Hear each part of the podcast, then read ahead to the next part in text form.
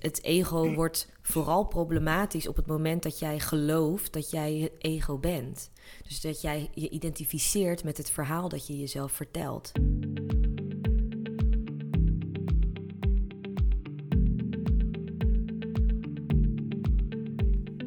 Welkom bij de Liefdesbrigade podcast. Mijn naam is Jasmin Lindenburg en als holistisch therapeut begeleid ik jou bij het proces naar innerlijke vrijheid. Ik help je bij het loslaten van belemmerende overtuigingen en onverwerkte emoties, zodat jij vol zelfvertrouwen gaat staan voor wie je bent en je jouw eigen pad gaat bewandelen. Hier vind je inspirerende inzichten, wijze lessen en praktische tips voor een diepe hartsverbinding met jezelf en met anderen. Want echt leven is verbinding en verbinding is liefde. Luister je mee? Hey lieve luisteraar, wat fijn dat je er weer bent. Zoals je in de titel van deze aflevering hebt gezien, is het weer tijd voor een nieuwe coach-sessie. Een podcast-coach-sessie. En als je deze al eerder hebt gehoord, dan weet je dat ik in de coach-sessies echte mensen spreek met echte problemen en dat ik hen echte oplossingen bied. Poachen kun je naar het Nederlands vertalen als pocheren. En net zoals dat je een ei kunt pocheren, kun jij via deze poachsessie jouw gedachten, gevoelens en gedrag zachtjes schaarmaken voor een innerlijk vrij leven in verbinding en liefde. In deze coachsessie spreek ik een jonge vrouw die nogal last heeft van onzekere gedachten, zoals ik kan het niet, ik moet het niet doen, ik ben dom. En sinds enkele maanden beseft ze dat dit haar saboterende ego is en dat die te veel invloed op haar heeft. En het zorgt er bijvoorbeeld voor dat ze telkens uitstelt om te gaan studeren. Tijdens deze sessie bespreken we de functies van het ego, want het ego heeft namelijk verschillende functies, en krijgt ze inzicht in hoe zij ervoor kan zorgen dat niet het ego, maar zijzelf achter het stuur van haar leven gaat zitten. En deze coachsessie is niet online opgenomen, maar in mijn praktijk. En dat betekent dat ik weer intuïtiekaarten heb gebruikt als hulpmiddel voor tijdens de coaching. Open je geest, open je hart en ontvang alle inzichten die tijdens deze aflevering tot je komen. Geniet van deze pootsessie en dan kom ik daarna weer bij je terug.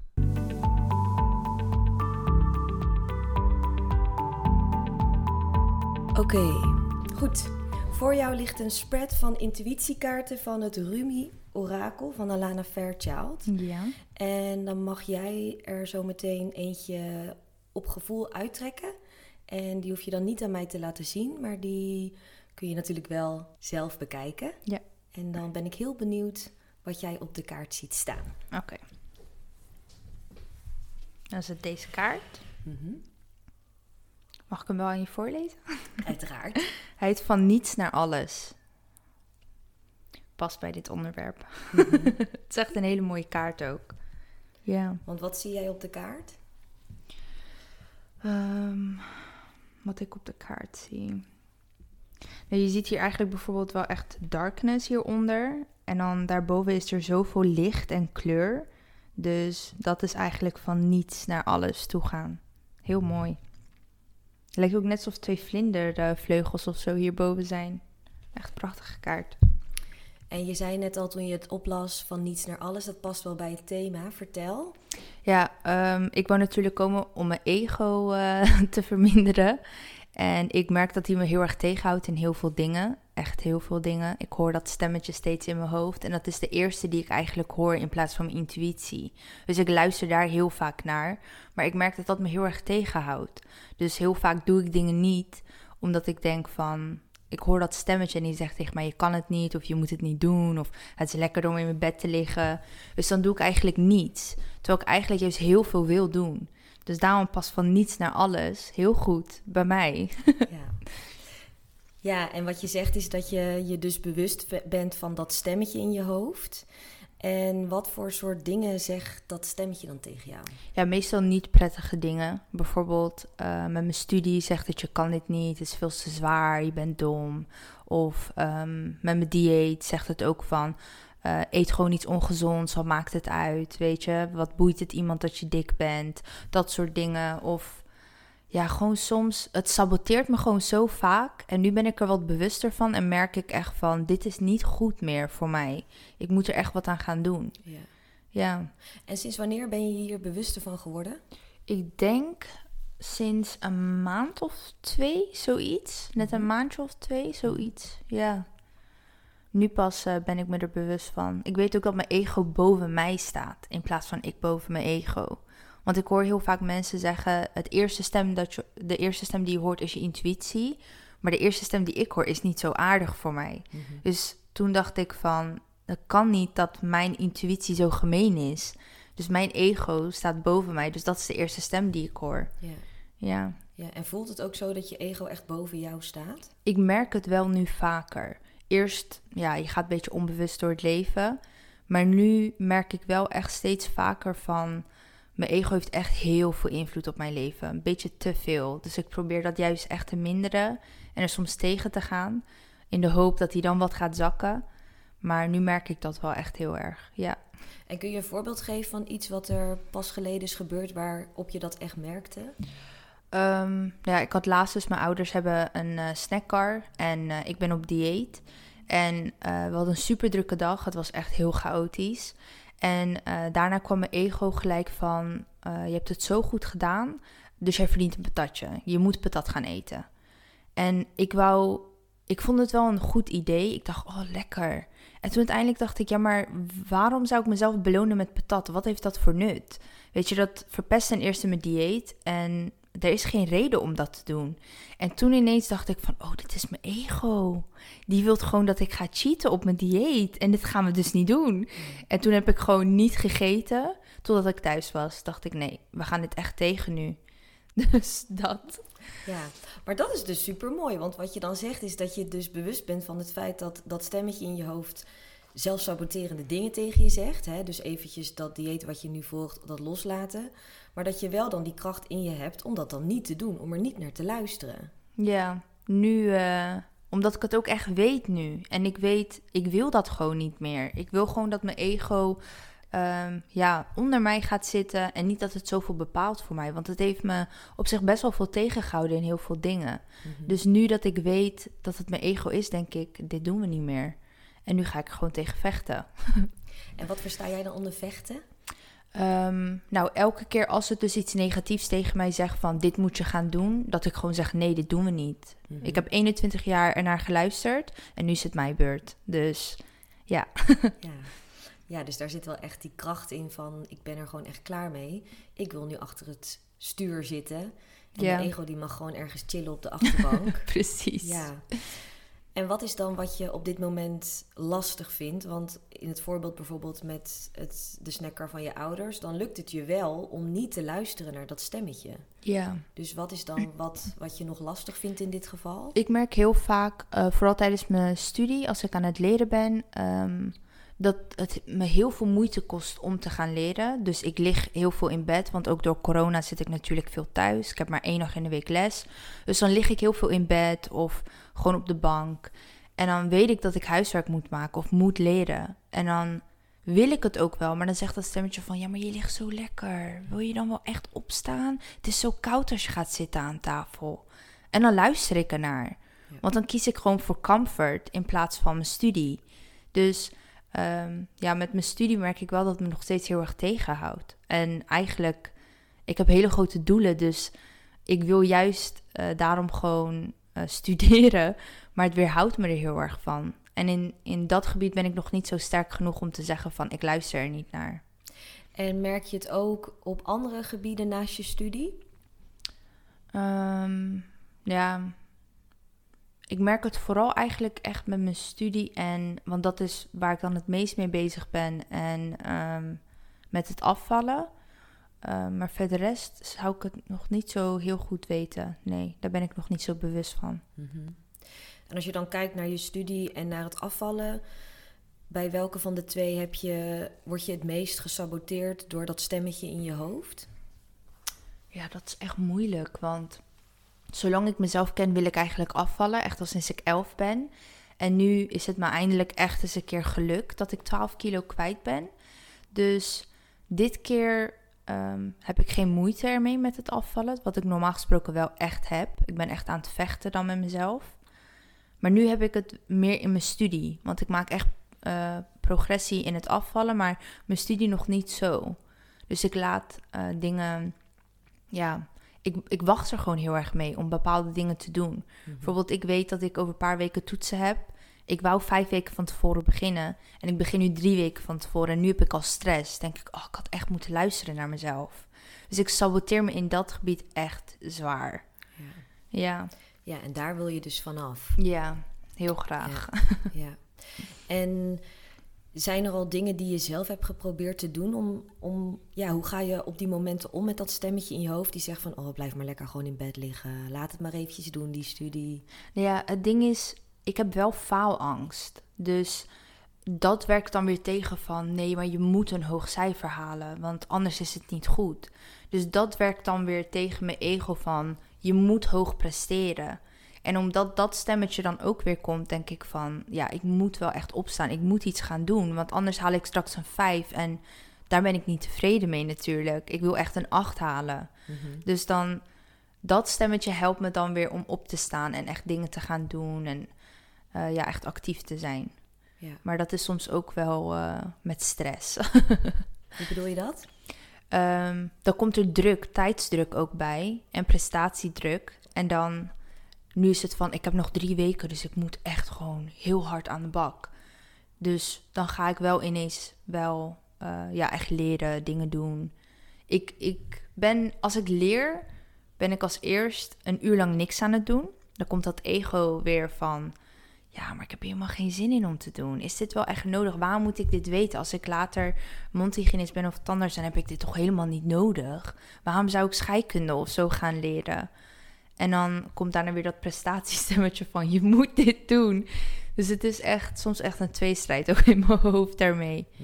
Ja, lastig. Ja, dat kan ik me voorstellen. Ja, en dat prestatiestemmetje, hoe is die voor jou? Wat, wat heeft dat voor effect op jou? Ik moet wel zeggen dat het me pusht. Dat, dat heb ik eigenlijk wel nodig.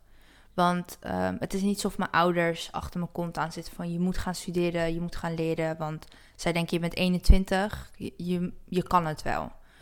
En die prestatiedruk die pusht me wel echt om ehm, ja, echt te gaan leren, dingen te gaan doen.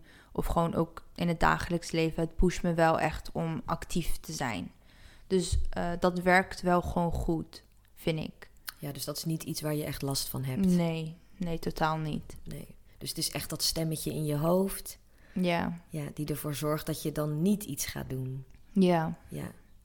En je zegt dan nu dat aan de ene kant heb je hè, dat ego, dat stemmetje in je hoofd, die, die wil jou in die comfortzone houden. En aan de andere kant heb je die presterende stem in je hoofd, die, die je pusht om die dingen te doen. Wat is dan in deze situatie hetgeen wat je echt lastig vindt? Mm.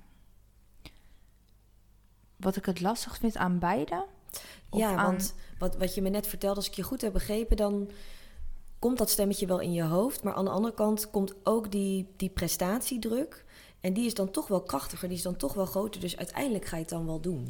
Ja, klopt. Ik, ik doe het uiteindelijk wel, maar wat eh, ik nu zo vervelend vind, is dat het me zo lang duurt voordat ik het doe. Dus die prestatie is er. Ja. Dat stemmetje van je moet het doen, anders hou je een laag cijfer. Maar mijn ego werkt toch heel erg tegen van, ja, maar ik vind het lekker om niks te doen. Ja. En dan ga ik zitten aan tafel met mijn boeken. Ben ik een uur lang bezig met onzin, met dingen opschrijven wat helemaal niet nodig is. Dingen researchen in pagina's van mijn boeken dat helemaal nergens op slaat. Hou ik mezelf een beetje voor de dom. En dan na een uur, dan heb ik weer van, ja, we hebben een uur verspild. Ik had een uur eigenlijk heel goed kunnen leren. En dan, dan denk ik van, oké, dan ga ik weer aan de slag. En dan ben ik bijvoorbeeld drie kwartier bezig en dan denk ik, nou, we kunnen nu wel even een kwartiertje op ons telefoon zitten. Je hebt het verdiend. Je kan wel even. En dan gaat er bijvoorbeeld 30 minuten voorbij. En dan zeg ik, oh ja, ik, ik heb nu pauze tot twee uur, want ik moet de klok afmaken, weet je wel. Dat is gewoon zo'n excuus dat nergens op slaat. En daardoor, ik leer, maar het is niet allemaal heel goed. Dus het is ook heel veel ertussen wat gewoon nergens op slaat, dat ik gewoon niks aan het doen ben. En dat is gewoon waar ik me ook heel erg aan irriteer. Maar het is denk ik echt een patroon nu voor mij. Het leren gaat zo langzaam dat ik daarom het liefst weken van tevoren wil beginnen. Tot als ik eigenlijk echt goed ervoor ga zitten en mijn best doe, ben ik binnen een week klaar. Maar dat lukt me gewoon niet. En dat komt door dat stemmetje in mijn hoofd. Ja, ja en je, je zegt dat twee maanden geleden ongeveer dat je je daar echt bewust van werd, van dat stemmetje. En hoe is die relatie nu met jouw ego voor jou? Wat voor relatie heb jij daar nu mee? Ehm, ik denk een beetje een vechtende relatie nu wel. Want ik merk dat het uh, me soms wel um, wat heftiger tegenwerkt. Die stem komt echt heel hard naar boven in mijn hoofd. En dat ik soms ook wel echt denk van wow, dat is best wel agressief van je moet dit gaan doen. Tot iets negatiefs is. Zoals wat dan? Um, ja, gewoon net als dat leren van je, je kan dit gewoon niet, hou op. Nu hoor ik dat echt heel hard in mijn hoofd van je kan dit niet. Waarom mhm. doe je dit? Weet je, of je bent te dom, vraag hulp. Terwijl het eigenlijk als ik ervoor ga zitten, weet ik het wel. Maar die ego komt nu echt heel hard naar boven van nee, je kan dit niet. En nu omdat ik er juist denk ik bewust van ben, of ik merk het meer op of het is me nu echt aan het tegenvechten, dat ik er ook tegen zeg van nee, ik doe het gewoon zelf. Ik kan het. Waarom zou ik iedereen om me heen moeten vragen terwijl ik zelf slim genoeg ben? Dus nu ehm, ja, merk ik dat we echt heel erg aan het vechten zijn in mijn eigen hoofd. Ja.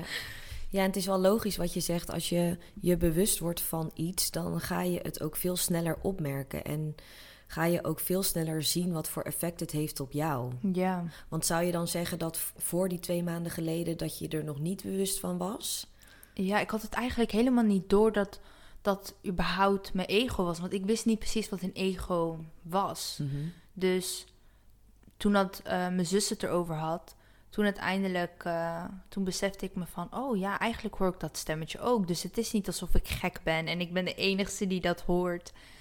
En uh, toen hadden we het er ook over welke de eerste is. En omdat dat de eerste is, dacht ik altijd, oh, dat is mijn intuïtie, die probeert me te helpen. Ja. En totdat ik er bewust van werd, dacht ik, ja, maar deze stem is helemaal niet lief voor mij. Het is juist zo gemeen. En uh, ja, ik weet nou niet of het vroeger erger was. Want dat herinner ik me eigenlijk helemaal niet. Maar nu weet ik wel echt dat die stem echt lelijk is soms. Ja. Kan je nog een omschrijving geven wat, hoe jij het ego ziet? Wat, wat is voor jou het ego? Nou, ik denk wel dat het je beschermingsmechanisme is. Want het is ook wel. Um, het helpt je, denk ik, ook wel in moeilijke situaties om voorzichtig te zijn. Maar ergens denk ik ook wel dat je ego uh, iemand is die um, je helpt soms wel ook om dingen te behalen, inderdaad. Stel je voor, je wilt echt iets groots. Bijvoorbeeld, ik wil tandarts worden. Ik denk dat mijn ego heel graag dat wil worden ook. Grote functie, weet je, je bent iets belangrijks, goede studie gedaan. Als je dat aan mensen vertelt, ben je trots van ja, ik ben tandarts. Dus ik denk dat mijn ego me daarmee ook wel soms pusht, daar ook wel mee helpt. Maar in mijn geval is die soms ook wel, of vaak wel, gemeen. Ja. Dus een beetje negatief. Ja. Ja, dus het ego is eigenlijk een beetje, hè, om het even samen te vatten, is eigenlijk het verhaal dat je tegen jezelf vertelt en het verhaal dat je ook over jezelf vertelt. En wat je mooi zegt is dat het ego eigenlijk twee kanten heeft. Het heeft een hele helpende functie. Als je mhm. bijvoorbeeld ambities hebt, wat jij zegt, dan kan het ego je heel erg helpen. Maar het kan je dus ook heel erg belemmeren en heel erg naar beneden halen. En dat is dan weer dat zelfsaboterende deel van het ego. Ja. Ja, en het ego wordt vooral problematisch op het moment dat jij gelooft dat jij het ego bent. Dus dat jij je identificeert met het verhaal dat je jezelf vertelt.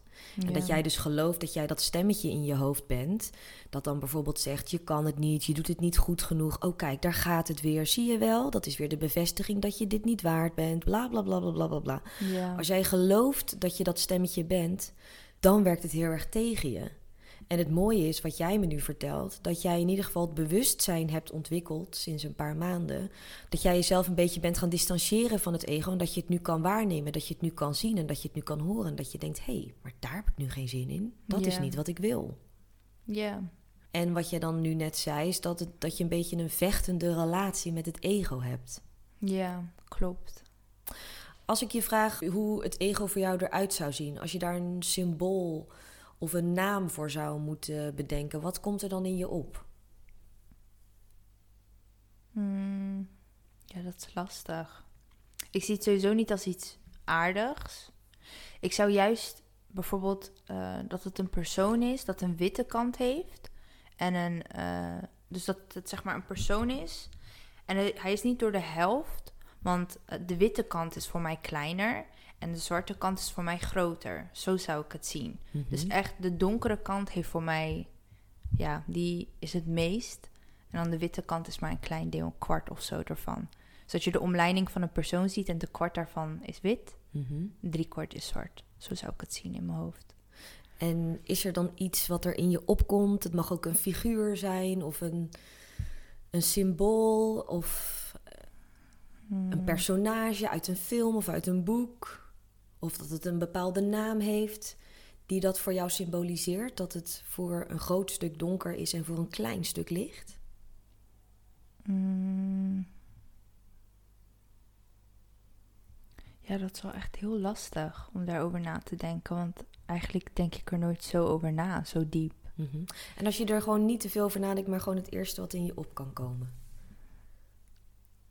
Ja, de eerste naam waar ik aan denk is heel gek. Ik denk aan Rick. Ik weet niet Mhm. waarom. En dan Rick met CK of Rick met de K? CK. Met de CK. Ja. Rick met de CK. Ja, ik weet niet waarom. Goed. Die naam komt in me Ja. op. Goed, laten we gewoon eventjes de naam Rick gebruiken. Oké. Dus dan eh, staat Rick symbool voor het ego.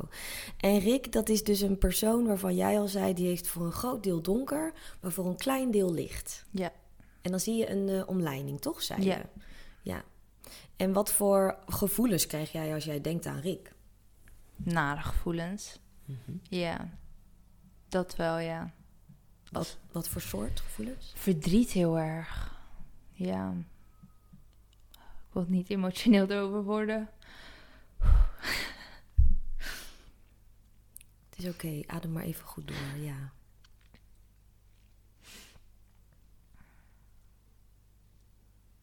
Want dan word je er nu heel erg bewust van dat het zoveel invloed heeft. ja.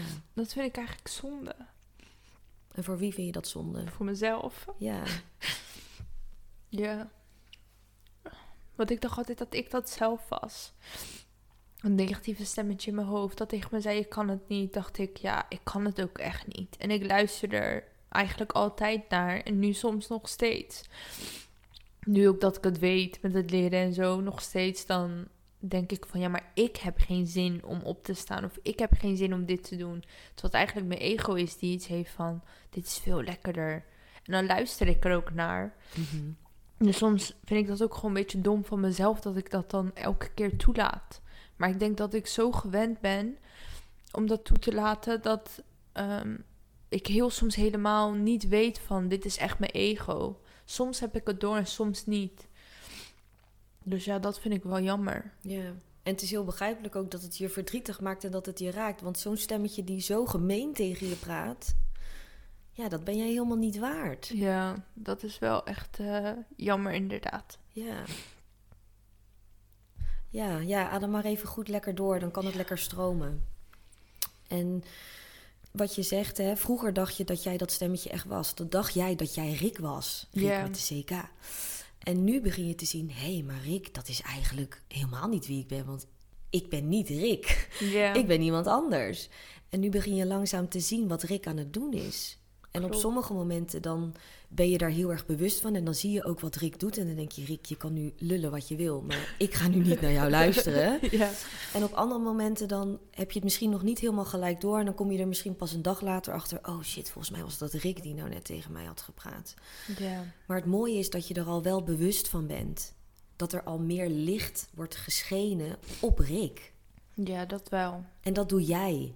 Ja, Jij bent degene die die zaklamp pakt en die zegt: Ik zet die zaklamp nu aan. Ik wil meer van jou gaan zien. klopt. Jij hebt die controle daar nu over, omdat je je bewust ervan bent dat jij niet Rick bent. Dat stemmetje, dat ben jij niet. Ja, soms is het nog wel echt moeilijk om dat te beseffen.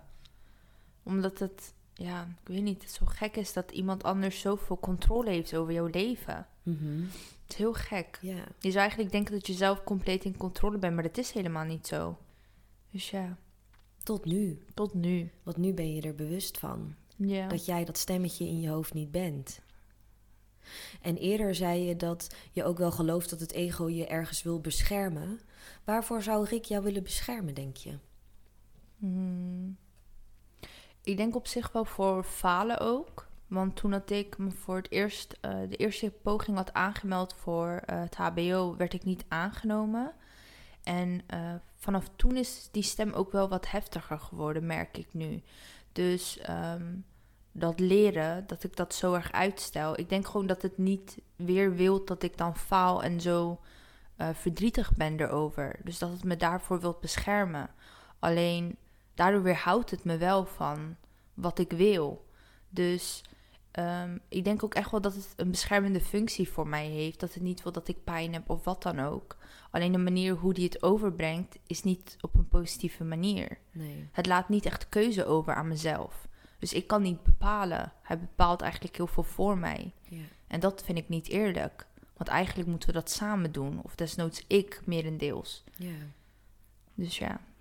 ja, dus wat je mooi zegt is dat Rick je eigenlijk wil beschermen voor een mogelijke situatie waarin je faalt. Ja. En als we het dan even betrekken op je studie, dan zegt Rick dus op zo'n moment dat je denkt: ik zou eigenlijk gewoon naar mijn studie moeten zitten nu. Dan zegt Rick: nee, joh, blijf lekker even liggen. Ga maar even lekker chillen. ja. Doe maar even andere dingen. En wat hij daar eigenlijk mee bedoelt is, hij zegt het dan wel op een hele kromme manier, maar wat hij dan eigenlijk zegt is: hey, ik wil je eigenlijk gewoon behoeden voor het feit dat je misschien wel gaat falen met je studie. Dus ik wil je eigenlijk beschermen. Ja. Maar hij heeft alleen niet zo goed de juiste woorden gebruikt om die boodschap over te dragen. Klopt. Want wat hij nu doet, wat Rick nu doet, is jou een vervelend en verdrietig gevoel geven. Ja, klopt. Maar ik vraag me af of hij of Rick er zelf bewust van is dat hij dit zo doet. Dat weet ik dus ook niet. Ik zou zeggen dat Rick het onbewuste deel is in jou. En dat Rick gewoon Rick is. Rick die leeft gewoon zijn leven in jouw hoofd. En die denkt, la, la, la, la, we doen gewoon lekker alles waar ik zin in heb. En ik ga gewoon lekker alles vertellen waar ik zin in heb. En heel lang was hij dat in jouw hoofd. Ja. Totdat er een bewuster deel was dat steeds groter werd. Hè, het lichte deel. Daar staat het voor. Het lichte deel staat voor dat bewustzijn. En dat donkere deel staat voor het onbewuste. En dat lichte deel in jou, dat wordt nu steeds groter. Sinds twee maanden is het al steeds groter aan het worden. En die denkt, hé, hey, maar Rick, wat ben je nou aan het doen? Maar Rick snapt dat natuurlijk niet, want die is gewoon onbewust. Die, die Ja. begrijpt dat eigenlijk niet. Die denkt gewoon, ik ga gewoon lekker door met alles zeggen. Ja. Dus eigenlijk wat je zou kunnen doen, wat jij ook net zelf mooi zei, is dat je met Rick in gesprek gaat. Op wat voor manier denk jij dat met iemand in gesprek gaan het beste zou helpen? Hoe zou je dat dan doen?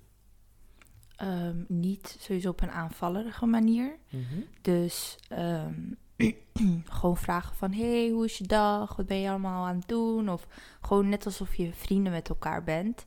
En het dan heel langzaam, langzaam zeggen van... oh ja, maar eigenlijk wil ik wel heel graag dit doen. Wat vind jij ervan? En als Rick dan zegt nee, ik heb daar geen zin in, zeg ik ja, maar hoezo dan niet? Kan toch wel leuk zijn, een uitdaging. Dat vind jij toch wel leuk om te doen. Gewoon eigenlijk het een beetje bespelen Mhm. op die manier. Dan komt het ook niet eh aanvallerig over. En eh, doe je het op een leuke manier. Ja. Waardoor ik Rick bijvoorbeeld kan overhalen om iets te doen wat hij niet wilt. Ja, ja, dus hoe zou jij dan Rick kunnen overhalen om iets te gaan doen wat hij eigenlijk niet wil? Door gewoon tegen hem te praten. Gewoon net alsof hij voor me staat. En gewoon te zeggen van, eh, kom op, we gaan dit doen. Weet je, dit is super leuk. En eh, ehm, weet ik veel, dan gaan we, maakt niet uit wat het is, dan gaan we dit of zo doen. En als hij dan zegt, ja, maar lig toch lekkerder in bed. Zeg ik, ja, maar het bed is er toch ook zo meteen? Dan gaan we zo meteen in bed liggen. Gaan we eerst dit doen en dan gaan we daarna in bed liggen. En dan kijken of, of ik dan wel gewoon uit bed kan komen en iets kan doen. En gewoon, eh, ja, zeggen van we liggen altijd in bed. Laten we iets nieuws proberen. Ja. Gewoon op die manier er tegen te praten. En dat klinkt totaal niet vijandig. Nee, juist leuk. Zo Ja. van we gaan een leuke activiteit doen. Kom op, we gaan Ja. het doen samen. Dus kijken of dat. eh, ik zie het al eigenlijk helemaal voor me. Hoe ik dat aan het doen ben. Ik ben ook iemand die tegen mezelf praat. En eh, ook tegen mijn beschermengelen praat ik dan gewoon hardop in huis als niemand er is. Dus ik heb daar geen moeite mee. Dus ik zou best wel gewoon hardop tegen Rick kunnen praten als ik thuis ben. Ja. En stel nou dat Rick dan zegt van... Ja, maar weet je, je weet toch wel dat je ook een mogelijkheid hebt om dan te falen? Wat zou je dan tegen Rick zeggen? Dan zou ik zeggen, ja, maar waarom? Dat is toch niet fijn? Want dan krijgen we bijvoorbeeld een laag cijfer of dan halen we iets niet. Dat is toch niet leuk? Dat gevoel is niet prettig. Dus wat als we een beetje onze best doen? Een beetje maar. Het hoeft niet zo heel veel. Zodat hij ook niet het gevoel heeft van we moeten nu echt aan de slag. Als je gewoon zegt, we doen gewoon een beetje ons best. Kijken waar we komen. En dan kunnen we onszelf belonen om in bed te liggen. En uiteindelijk als je dan bezig bent met wat je dus wilt doen, op een gegeven moment als ik bezig ben, dan zit je er wel langer aan of ben je wel echt gemotiveerd. En dan uh, soms kan ik echt twee, drie uur doorgaan. En dan uiteindelijk kan ik mezelf belonen. En dan Rick ook bedanken. Zeggen van goed zo, we hebben het echt goed gedaan. Dus nu kunnen we lekker rusten samen. Ja, mooi. En als je dan op deze manier naar Rick kijkt, hoe zie jij Rick dan? Net alsof je met een vriend of zo aan het praten bent. Mhm. Dus helemaal niet zo vijandig dan. Want je doet het op een beetje op een leuke manier ook voor jezelf. Mhm. Want dan denk je van hoe ga ik dit nu benaderen? En hoe is, hoe is de relatie tussen jou en Rick? Staat Rick dan nog steeds boven jou? Nee. Nee, dan niet. Ik denk dat we op. Dan zou ik mezelf nog wel een beetje tegenover hem zien. Dus niet dat hij in ieder geval boven mij staat, maar tegenover mij. Misschien zelfs ietsjes lager, omdat ik denk dat ik dan wat meer zelf kan spreken dan hij. Want op die manier trek ik hem mee zonder dat hij echt doorheeft dat hij iets moet doen. Dus op een leuke manier. Ja. Maar het is voor mezelf ook leuk dat ik in gesprek ga dan. Dat, Ja. dat soort dingen vind ik wel Ja. leuk om te doen. ja, want zoals je dat dan nu net vertelt, hoe je dat zou doen, dat klinkt gewoon als een manier hoe je dan hem kan toespreken. Ja, En als ik jou dan zo hoor praten tegen Rick, wat er dan ook in mij opkomt, is dat Rick eigenlijk best wel een beetje angstig is. Dat Rick zich best wel angstig voelt. En dat jij dan hè, tegen Rick gaat zeggen: Nou, weet je, kom, we gaan het gewoon proberen. We doen het gewoon. We hoeven het ook niet zo heel groots gelijk te maken. We doen gewoon, we gaan gewoon een paar hoofdstukken lezen, ik zeg maar wat. En dan daarna kunnen we weer eventjes iets doen wat we leuk vinden. Hoe vind jij dat? Dat is een manier van benaderen naar iemand die eigenlijk ergens een beetje angstig is, toch? ja dat wel. Want hij wil geen verandering. Precies. Want dit is, want voor hem thuis zitten en niks doen is, is gewoon bekend. Dat is gewenning voor hem. Dus ik denk, als je dan niet gelijk verwacht van we gaan nu zes uur lang en hardcore, we gaan naar de biep en we gaan dit doen en we gaan. Nee, gewoon kleine stapjes van, al is het een uur, al is het twee uur, maakt niet uit. Al is het iets, dan is het gewoon kleine stapjes naar een groter doel. Het hoeft niet gelijk heel explosief en gelijk aan de gang te gaan. Maar op die manier denk ik ook dat, je, dat ik Rick de tijd geef om eraan te wennen. Precies. Dus dat hij op een gegeven moment ook iets heeft van... kom op, we staan op, we gaan dit doen. Maar daar moet ik dan naartoe werken. ja. En daar ben je al naartoe aan het werken. Ja, dat wel, Want ja. dat doe je nu ook in dit gesprek. Klopt. Want ik heb er nog nooit zo naar gekeken. Dus dit is wel een nieuwe techniek dat ik kan toepassen om te doen. Ja, want als je dan nu aan Rick denkt, zie je dan nog steeds voor het grootste deel zwart en voor een heel klein beetje licht? Nee, het is al voor de helft. Helft, helft nu. Nu is er even balans. Dus het is niet gelijk ineens een super groot stuk dat helemaal licht is. Dat hoeft ook niet. Maar de net al toen dat we aan het praten waren, toen zag ik al dat beeld van die omleiding. En dan dat de helft wit was en de helft was zwart. Dus toen dacht ik al van oké, dit is al iets goeds. Ja, voelt dat ook goed? ja, dat wel. Want ehm, je, ja, je voelt een beetje een soort van opluchting. Van oké, het heeft dus wel echt nut om erover te praten met andere mensen vooral. Want in je eigen hoofd soms denk je dat je gek bent of zo van... Is dit wel echt zo? Is dit wel echt mijn ego? Maar als je er dan zo over praat, word je er echt bewust van. En dan ben je er ook echt bewust mee bezig. En eh, in mijn hoofd, dan zie ik ook gelijk die, die lijn switchen naar de helft. En dan weet ik van wat ik nu aan het doen ben is echt goed. Dit heb ik nodig. Ja. Ja, Ja, en wat je ook zegt, hè, Rick, ik, ik geloof zelf dat het ego, nou ja, dat Rick in dit geval, dat dat gewoon een onderdeel is van ons mens zijn. Dat is gewoon, ja, tenzij je verlicht bent, maar ik heb persoonlijk nog nooit iemand ontmoet die verlicht is. Eh, tenzij je verlicht bent, dan is het gewoon een onderdeel van, van hier, ons leven hier op aarde. ja. Maar dat hoeft natuurlijk niet te betekenen dat het ego ons aanstuurt en dat het ego achter het stuur zit. Dat, zit, dat, dat zitten wij, dat kunnen wij ook op het moment dat wij dat bewustzijn krijgen en dat het bewustzijn bij ons steeds ruimer wordt, waardoor we dus steeds meer licht daarop kunnen schijnen. ja. En zo op het moment dat die strijd, die innerlijke strijd, hè, dat gevecht tussen onszelf en het ego, dat dat begint te verzachten, dan zul je ook merken dat jij echt achter het stuur gaat zitten. Ja, dat is wat ik wil. Ja, en wat je net zei, het klinkt dan alsof je Rick eigenlijk een beetje zo mee aan de hand neemt van, joh, ik weet dat je dit spannend vindt, maar we gaan gewoon stapje voor stapje uit die veilige comfortzone. Ik neem je gewoon mee. ik begrijp ook waar het vandaan komt. Je wil mij beschermen. Mhm. Maar ik ben gewoon een volwassen vrouw en ik heb alles in me om dit aan te kunnen en om dit te dragen. Ja, dat is wel echt iets moois inderdaad. Maar zo, in de, zo eh, ga ik het denk ik vanaf nu echt proberen om te doen. Er echt tegen te praten. Dat heb ik hiervoor nooit echt gedaan. Of dan zei ik van nee, dit doen we niet. Maar dan was ik ook niet zo aardig terug. Maar misschien is dat juist niet iets goeds. Dat ik er juist eigenlijk een beetje lief voor moet zijn ook. Want het is wel een beschermingsmechanisme. Dus ik denk ook dat Rick het niet verkeerd bedoelt. Alleen het komt heel verkeerd over.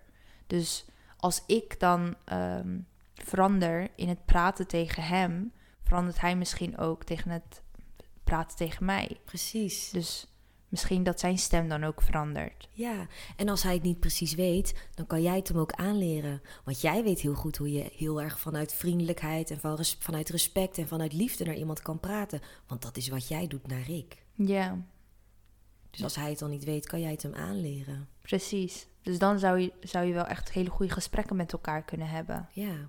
En dan komt ook meer die functionele kant van Rick naar boven. Hè? Stel je hebt grote ambities en je wil dat waarmaken, dan kun je dat ook echt gaan inzetten. Ja, Dan zal het jou daarin helpen en dan zal hij je daarin ondersteunen. klopt. Ik denk dat ik die kant ook meer naar boven wil laten komen. Ja, In plaats van dat negatieve nu heel erg, dat die ambitiekant echt naar boven komt. ja, Want nu is Rick een beetje lui. En ik wil gewoon lekker liggen. ja. Maar juist, dat wil ik dan weer niet. Maar Rick is heel sterk. Nu wel wat minder natuurlijk. Maar Rick wil gewoon lekker comfy in bed en eh, genieten en niks doen. En dat is inderdaad zijn comfortzone. Maar Rick die heeft ook die ambities. Ja, Maar ja, alles wat je nog niet kent, wat buiten je comfortzone ligt, zoals echt die ambities en echt het succes en echt ergens goed in worden of iets, iets behalen wat je heel graag wil, dat kent hij nog niet. Dus dat is spannend. ja, En dan is het makkelijker om te zeggen: Kom, blijf maar lekker in bed liggen, want ik hou je op die manier in die comfortzone. klopt. maar ja, hij kent dat helemaal nog niet. Hij kent die andere kant helemaal nog niet. En daar mag jij hem dan in gaan meenemen. Van hé, hey, weet je, als we nu dit stap voor stap gaan doen, dan komen we daar op dat punt. En dan kan ik jou laten zien hoe fijn dat voelt. Ja, precies. Dat is wel echt een goede stap. Ik ben eigenlijk nu al zo excited om hiermee aan de slag te Ik gaan. zie het ook aan je. Ja, je hele energie is gewoon gelijk een stuk lichter dan, dan hiervoor. Ja, Ja. ik heb gewoon zin om thuis tegen hem te praten. En gewoon zeggen, Rick, kom op, we gaan wat ja, doen. Ja. Ja. En hoe, als je dan denkt aan jullie toekomst samen, hoe zie je die dan voor je? Wat, wat, ja, wat komt er dan in je op? ja, meer hoop.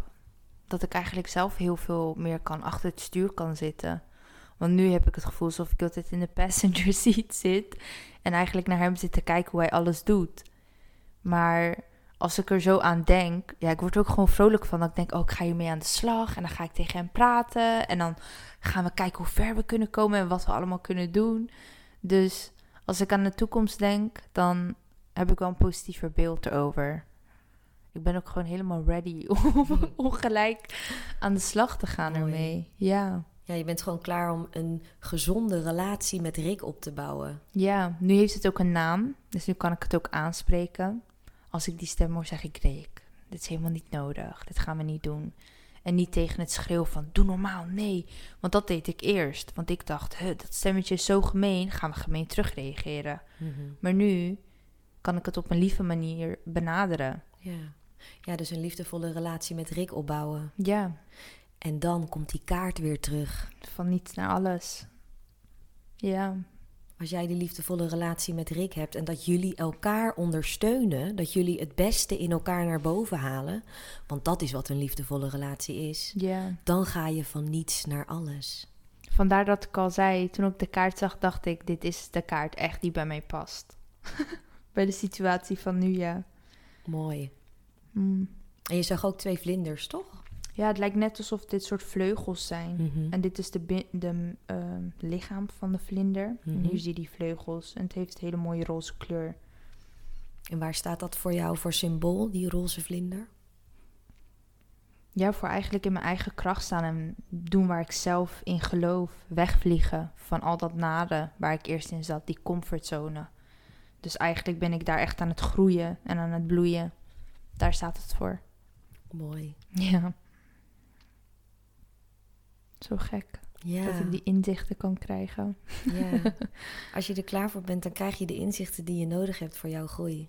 Zo werkt het. Ja, maar ik wist ook toen dat ik hoorde dat je dit deed, toen wist ik van ik moet me hiervoor opgeven. Ik moet gaan. En mijn ego werkte me soms wel tegen. Van ja, maar dan moet je zo vroeg en heb je daar wel zin in en je slaapt altijd lekker uit en, en kan je het gewoon niet beter vanuit thuis doen? En toen dacht ik nee, ik denk dat ik er meer uit ga halen als ik echt hier ben met jou en dat we echt een goed gesprek met elkaar samen aangaan. Dan zit je toch in een andere eh, huisomgeving. Dus eh, toen dacht ik, nee, we doen dit gewoon, Rick. We gaan erheen. Ik weet dat je niet houdt van verandering, maar we gaan dit doen. Ja, dus je hebt, het, je hebt het al gedaan, die liefdevolle stapjes naar Rick gezet. Ja, Ja. Ja, en dat gaat dan nu alleen nog maar meer ontstaan omdat je nu dat bewustzijn hebt om die relatie op een positieve manier met hem eh, aan te gaan. ja. Ja. Ik had eigenlijk nooit zo naar gekeken om het op die manier te doen. Ik dacht juist, ja, hoe moet ik dat verwoorden? Ehm, ik dacht nooit echt dat het een soort van. Een, ik maak het nu een soort van een persoon van, waar ik echt tegen kan praten. Ja. Dus dat is wel prettiger. Want nu is het niet. Ja, want eerst dacht ik van ja, hoe doe ik dit dan? Hoe Mhm. kan ik mijn ego lager krijgen dan mij? Dat vond ik zo gek om dan er tegen te werken of zo. ja, het blijft dan heel iets abstracts. Iets wat je niet echt kan, kan aanraken. En het zit dan ook nog eens in je hoofd. Dus dan is het helemaal niet tastbaar. Ja, Maar om er dan een personage bijvoorbeeld van te maken, zoals Rick, dan ga je ook meer zien dat jij dus Rick niet bent, maar dat Rick losstaat van, van jou. ja. Nu is het ook makkelijker aanspreekbaar, denk Ja. ik. Ja, Dat is wel prettiger voor mij. ja, Dan kan ik echt eh er tegen praten. Dat soort dingen vind ik wel leuk om te doen. Om gewoon in gesprek te gaan. Oh, krijg ik soms geen antwoord terug. Gewoon te praten in mezelf of hardop. ja. Kijken wat dat gaat brengen. Ja, dus wat is het eerste wat je na dit gesprek gaat doen met betrekking tot Rick? Nou, wat ik sowieso van plan was om te doen, is om te gaan leren. Yes! yes, study time. Dus eh, ja, maar ook echt te gaan leren. Dus niet dat van, oh, maar laten we gewoon lekker. Weet je, je hebt een hele drukke ochtend gehad. Je bent bezig geweest om mij een beetje te begrijpen. Dus je verdient het om te liggen. En dan zeg ik, nee, we hebben zo hard gewerkt. Laten we een goede ochtend ervan maken. Sluiten we hem goed af. Mooi, En dan ga ik eh, iets eh, goeds doen. mooi. In plaats van rusten. Ja. Ja. Dat klinkt heel mooi en liefdevol en begripvol en respectvol en positief. Ja. Keek er eerst echt niet zo naar. Daarom ook net dat ik zo emotioneel werd, dat ik echt dacht van, ach, dit is eigenlijk zoiets negatiefs, die ego. Maar als we dan verder in gesprek gaan met elkaar, merk ik van, nee, eigenlijk is dat niet zo. Weet je, in je hoofd maak je het denk ik ook altijd erger. En als ik er nu dan naar terugkijk, dan denk ik van, ehm, het is misschien heel erg lastig geweest. Maar toen destijds wist ik helemaal niet eens wat ik aan het doen was. Dus nu dat ik het echt weet, vind ik het juist alleen maar iets positiefs.